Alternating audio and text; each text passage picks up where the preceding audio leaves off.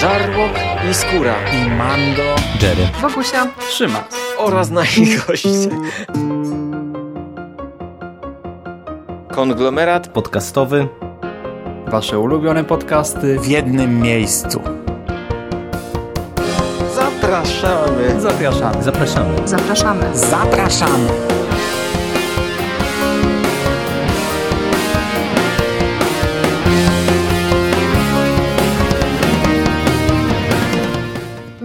Konglomeracie podcastowym, czyli na platformie, która zbiera wszystkie Wasze ulubione podcasty w jednym miejscu. Wita się z Wami Bogusia. Jest środek nocy i uznałam, że będzie to odpowiedni czas, żeby opowiedzieć Wam o pewnym moim nowym odkryciu czytelniczym. Wracamy do tego tematu, który jest mi szczególnie bliski, czyli do literatury młodzieżowej. I bohaterem dzisiejszego podcastu będzie seria szwedzkich książek dla młodego czytelnika, zatytułowana Pax. Jest to cykl, który docelowo ma liczyć 10 tomów. Ukazuje się on także w Polsce za sprawą wydawnictwa Media Rodzina, które do tej pory opublikowało 6 tomów z tego cyklu. Jak trafiłam na tę opowieść? Otóż mam ją na celowniku już od dłuższego czasu, a konkretnie od momentu, kiedy przygotowywałam się do gościnnego występu u Szymasa w nawiedzonym podcaście. Może wiecie, a może nie, na początku czerwca ukazał się tam specjalny dwuczęściowy odcinek, w którym rozmawialiśmy z Szymonem na temat grozy w literaturze dziecięcej.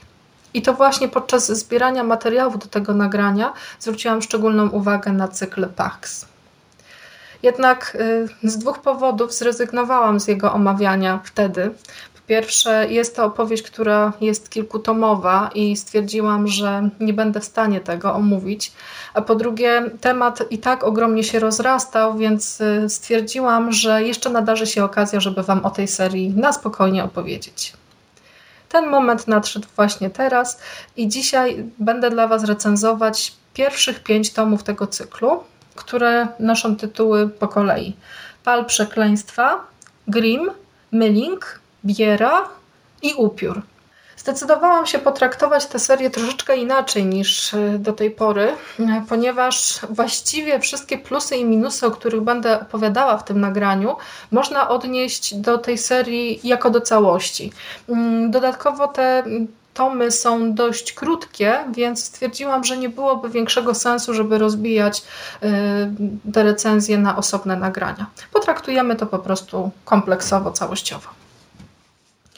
Zanim zaczniemy rozmawiać o fabule, to muszę powiedzieć parę słów na temat autorek tego cyklu. Są to dwie Szwedki. Osa Larsson, którą niektórzy polscy czytelnicy mogą kojarzyć jako autorkę całkiem niezłych powieści kryminalnych, oraz Ingela Korsel. To jest y, osoba w Polsce troszeczkę mniej kojarzona, a w Szwecji zasłynęła jako pisarka powieści dla dzieci i młodzieży.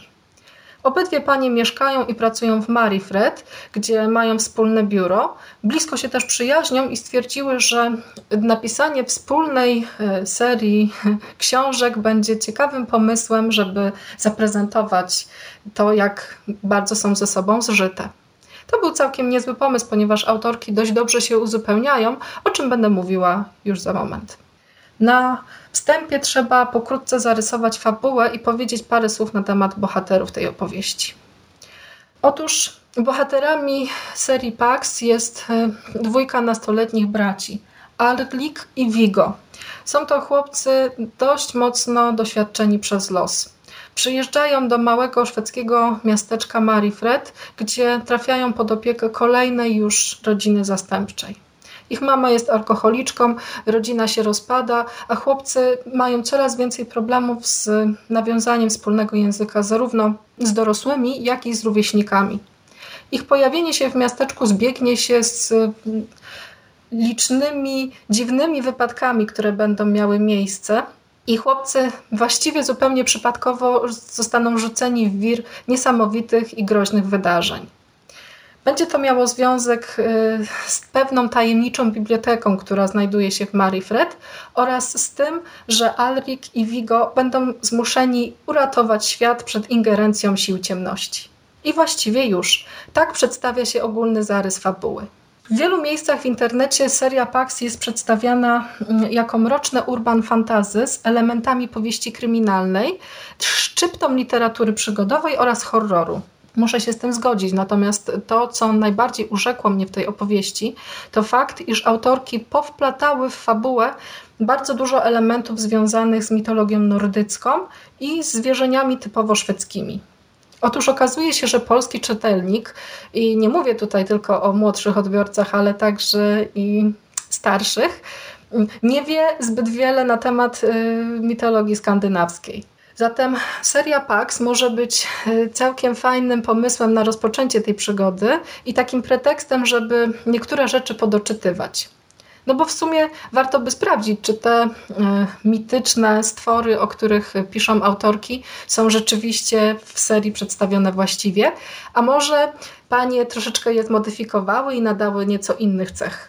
To fajny pomysł, żeby zachęcić do dalszych poszukiwań. Bohaterami tej serii, jak już wspominałam, są dwaj bracia, dwaj nastoletni bracia. I właśnie w tej kreacji głównych bohaterów kryje się parę takich bardzo wartościowych elementów, o których chciałabym powiedzieć. Na pierwszy plan wysuwa się tutaj mm, wątek dysfunkcyjnej rodziny i takiej łatki, etykiety, którą e, chłopcy mają jakby już przyczepioną na starcie.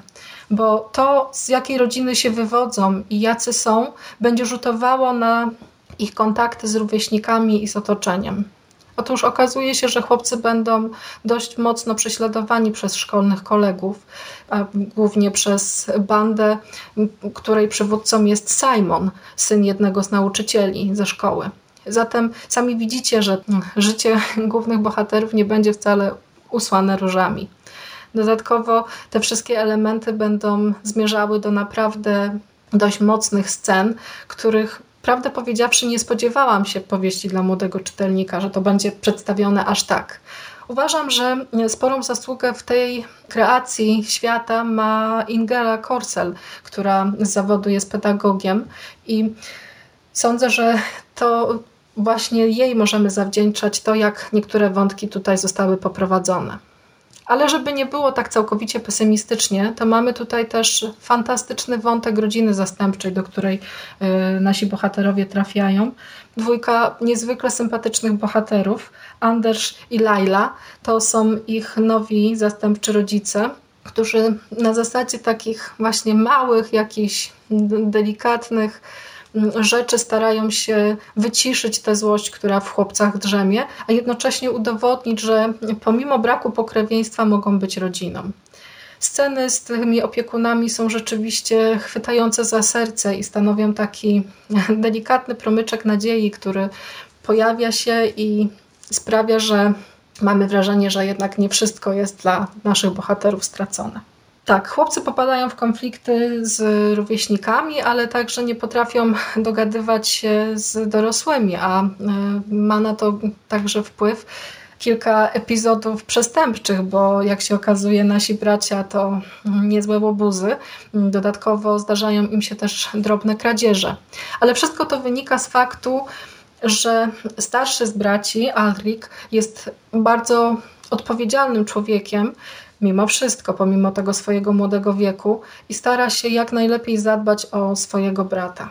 To jest też bardzo pięknie rozrysowany psychologiczny aspekt tych postaci. Jest tutaj też wizja bardzo brutalnego świata nastolatków, ale jednocześnie taka szczypta obojętności dorosłych, którzy nie reagują na te szykany. Jest tutaj pewien bohater, który wyjątkowo zasługuje na, na to, żebyśmy go nie lubili, a mowa tutaj o nauczycielu techniki Tomasie, który mówiąc wprost, uwziął się na naszych braci i wykorzysta każdą okazję, żeby tylko im dopiec. Jednak z racji tego, że jest to y, opowieść fantastyczna, no to do tej realnej sfery przenikać będą także liczne elementy nadprzyrodzone w postaci tajemniczej biblioteki znajdującej się w tym małym, niepozornym mieście. Bo skoro to jest urban fantazy, no to miasto odgrywa tutaj bardzo ważną rolę. A Marie Fred w tej opowieści jawi się jako miejsce wyjątkowe. W pierwszym tomie jeden z bohaterów używa takiego określenia, że Mary Fred jest magnesem zarówno dla sił dobra, jak i sił zła, które wyczuwając jakby e, zaburzoną granicę pomiędzy dwoma światami, usiłują do tej naszej rzeczywistości przeniknąć. Ma to wszystko związek także z pewną tajemniczą biblioteką, w której znajdują się liczne manuskrypty związane z tym, mm, mówiące o tym, jak z siłami ciemności walczyć.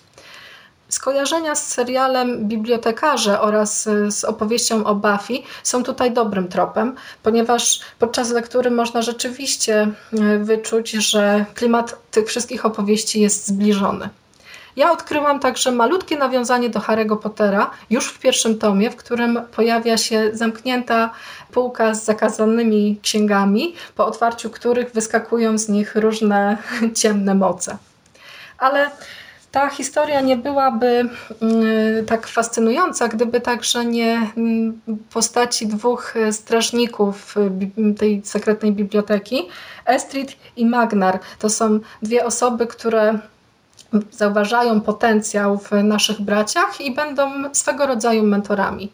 Czyli ponownie element takiej powieści inicjacyjnej, to, że nasi bracia będą się zmieniać i pomimo tej swojej niedojrzałości będą rzuceni w wir naprawdę wielu dziwnych sytuacji i będą musieli znaleźć e, z tych mm, okoliczności wyjście, no to to są takie elementy, które w literaturze młodzieżowej oczywiście bardzo często się pojawiają, ale tutaj zostają podniesione na nieco wyższy poziom, a wszystko y, właściwie odbywa się w takim settingu bardzo, bardzo horrorowym. I to jest też mm, ogromny plus całej tej serii. To jest opowieść, w której mm, zacierane są granice pomiędzy tym, co dziecięce, a dorosłe. I odbywa się to już w pierwszym rozdziale, który otwiera całą opowieść, kiedy to, mm, mogę to zdradzić, bo fragmenty tej, tego rozdziału pojawiły się także w internecie, więc to w sumie żaden spoiler. Jest tutaj jedna scena, w której Estrid skręca kark y, impowi, takiemu y, złośliwemu, mitycznemu stworzeniu. I jest też w y, tej rozmowie mm, z impami wspomniane wypatraszanie kotów oraz zjadanie dzieci. Przyznam szczerze, że jak zaczęłam czytać tę książkę i trafiłam na takie elementy, to na chwileczkę ją odłożyłam i zaczęłam się zastanawiać, dla jakiej grupy wiekowej właściwie to jest przewidziane. Ale myślę, że taki wiek między 11 a 14 lat to chyba y, odpowiednia grupa docelowa. Co ciekawe, kolejne tomy serii Pax, spośród tych pięciu, które przeczytałam, mają też typowo horrorowy sposób budowania fabuły. Otóż w tomie pierwszym mamy mowę o klątwie i o opętaniu. W tomie drugim pojawia się bestia, która atakuje przy ruinach y, tajemniczego domostwa. Być może to jest wilkołak, tego nie wiemy. Tego dowiadują się nasi bohaterowie. W tomie trzecim pod tytułem Myling mamy ducha zabitego dziecka, które domaga się pochówków poświęconej ziemi.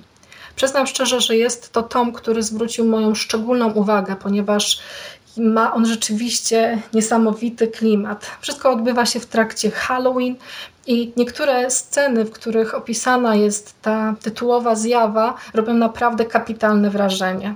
To jest rasowy horror dla młodego czytelnika. Jeśli będziecie chcieli kiedyś komuś młodemu zaproponować coś właśnie z tego gatunku, no to to będzie dobry strzał. Tom czwarty Biera y, związany jest z pewnym stworem, który został powołany do życia przez czarownicę. Więcej nie zdradzę. Jeśli Was zaintrygowałam, no to sięgnijcie po książkę. Natomiast tom piąty, Upiór, również zasługuje na ważną lekturę, ponieważ mamy tutaj opowieść rodem z miejskiej legendy, na zasadzie trochę opowieści o krwawej Mary.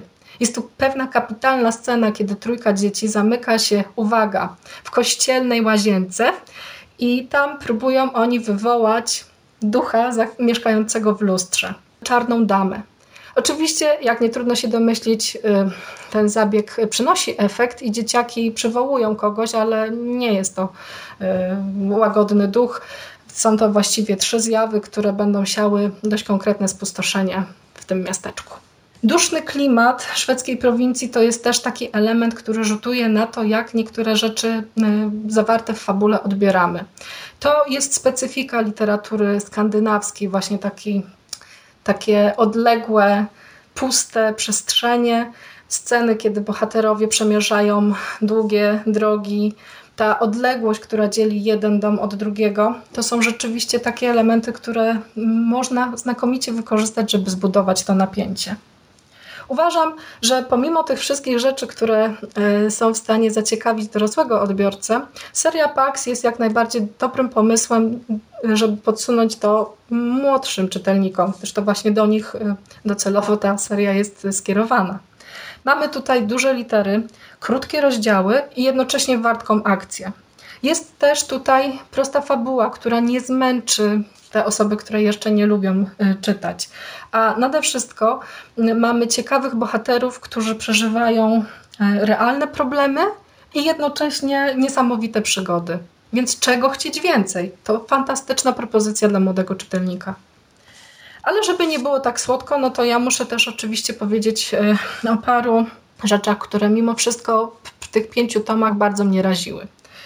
Przede wszystkim jest to brak y, rozwoju bohaterów, który nie pojawia się pomimo upływu czasu. Tutaj muszę też nadmienić, że fabuła y, cyklu Pax jest skonstruowana dość specyficznie, ponieważ y, każdy kolejny tom zaczyna się dokładnie w momencie, w którym ten wcześniejszy się kończył, wliczając w to numerację rozdziałów. Ta historia jest ciągłością podzieloną po prostu na mniejsze części. Fabuła jest nieprzewidywalna, ale często bardzo mocno uproszczona. Myślę, że gdyby autorki zdecydowały się na wprowadzenie mniejszej liczby takich dynamicznych scen, a bardziej gdyby skupiły się na przykład na e, zagadkach, no to wtedy ten efekt powierzchowności by zniknął e, i czytałoby się to jeszcze lepiej. Serii Pax nie warto polecać jako wzór do naśladowania, ponieważ w tej historii pojawia się kilka e, dwuznacznych sytuacji. Mamy tutaj bójki, kradzieże, a nade wszystko młodzi bohaterowie mówią dość wulgarnym językiem. W paru momentach e, starszy z braci mówi, że ma, cytuję, swoją mamę w dupie. Jest to oczywiście efekt tego, w jaki e, sposób zostali oni potraktowani przez rodziców. No i właściwie nastolatki posługują się takim słownictwem, więc ten realizm jest z jednej strony zaletą, ale z punktu widzenia takiego bardziej pedagogicznego, to może to troszeczkę razić. Ja tutaj e, doczepiłabym się też jeszcze do jednej rzeczy, o której już wspomniałam właściwie. E, wszystkie te tomy kończą się cliffhangerami i są bardzo mocno ze sobą połączone, tak jak już mówiłam, co sprawia, że seria Pax przywodzi mi na myśl właściwie konstrukcję zbliżoną do telewizyjnych seriali. I myślę sobie, że fajnie też byłoby, jeśli autorki pozostawiłyby troszeczkę tej sfery domysłów, bo takie zostawienie czytelnika w niewiedzy wzmogłoby tylko chęć, żeby poznać y, przygody dwójki braci jak najszybciej, te następne, bo bylibyśmy ciekawi i chcielibyśmy wiedzieć, co, co się dalej im przydarzyło. To są oczywiście takie małe minusy, do których dorzucić też można jeszcze właściwie brak zmian w konstrukcji kolejnych tomów. Przeczytałam ich pięć i przyznam szczerze, że cztery z nich w jedno popołudnie. Tak mi się to dobrze czytało. I właściwie z powodu tego maratonu, który sobie zaserwowałam, no to zauważyłam, że niestety kolejne tomy właściwie niczym się od siebie nie różnią. Tutaj mamy e, wprowadzenie i właściwie konstrukcja fabuły jest cały czas taka sama. Przydałoby się jednak czymś zaskoczyć czytelnika. Natomiast w Paksie jest też pewien element, o którym jeszcze nie powiedziałam, zostawiłam to sobie na koniec, a są to wyjątkowo ciekawe ilustracje. Za rysunki w tej serii y, odpowiada Henrik Jonsson. Jest to takie nazwisko, które fani komiksów DC mogą kojarzyć, ponieważ rysował on m.in. Batmana i Suicide Squad. Ja pozwolę sobie w tym miejscu zacytować fragment recenzji, którą dla magazynu literackiego książki napisała Joanna Olech. To jest fragment, który e, dotyczy właśnie tych ilustracji. Słuchajcie. Szkoda, że krzywdę tej przygodowej serii wyrządził grafik. Jego banalne, nieznośne wręcz ilustracje unicestwiają wszelką tajemnicę. Johnson otarł tekst z magii i nadał bohaterom wredne, antypatyczne gęby, które warto zasłonić czytając. Ja się z tym nie zgodzę. Myślę, że komiksowe rysunki bardzo mocno pasują do klimatu tej opowieści i jednocześnie trafiają idealnie w grupę docelową. Ilustracje prezentują wybrane epizody z fabuły i stanowią taki dodatek, który przeplata y, tekst. Dla młodego czytelnika jest to jak najbardziej fajny pomysł, ponieważ nie czuje się przesytu y, literkami, które trzeba pochłonąć i to czytanie odbywa się w sumie bezboleśnie. Kreska, którą mm, zastosował Johnson, przywodzi mi na myśl, szczególnie jeśli chodzi o konstrukcję bohaterów, mam tutaj na myśli głównie mm, Alrika i Vigo, no to mają oni takie twarze troszeczkę w stylu mangi, ale nie jest to zarzut. Tutaj te emocje, bo mamy przedstawione tutaj raczej dość te dynamiczne i przerażające sceny, no to te emocje muszą być y, czytelne, więc taki zabieg wydaje mi się rzeczywiście słusznym posunięciem. Dodatkowo muszę pochwalić rysownika także za umiejętne operowanie makabrą, która w przypadku tych y, utworów dla młodego czytelnika jest też y, rzeczą wyjątkowo delikatną. Tutaj te rysunki sprawdzają się naprawdę znakomicie element, który jest uatrakcyjnieniem dla młodego czytelnika, ale sądzę, że wielu z dorosłych którzy zdecydują się odbyć przygodę z Paxem, no to też będzie się fajnie bawiło podczas oglądania tych kadrów. Ogólnie polecam zapoznać się z tym cyklem. Na nudne popołudnie jest to naprawdę dobry pomysł na lekką rozrywkę. I jednocześnie, jeśli chcielibyście swoim dzieciom albo komuś młodemu w rodzinie lub znajomym, spróbować podsunąć coś związanego z grozą, no to powtarzam, to jest jak najbardziej dobry pomysł. Tylko dopilnujcie, żeby czytali wszystkie części po kolei, bo mogą później mieć problem z odnalezieniem się w fabule. Będę czytać dalej. Na polskim rynku ukazało się w tej chwili sześć tomów. Tego szóstego jeszcze nie czytałam. Zobaczymy, jak ta historia się rozwinie i czy autorki jeszcze czymś nas zaskoczą. To ode mnie tyle. Dziękuję Wam bardzo za słuchanie. Do usłyszenia już wkrótce i pamiętajcie, czas pulsuje, a ciemność nadchodzi. Do usłyszenia. Pa!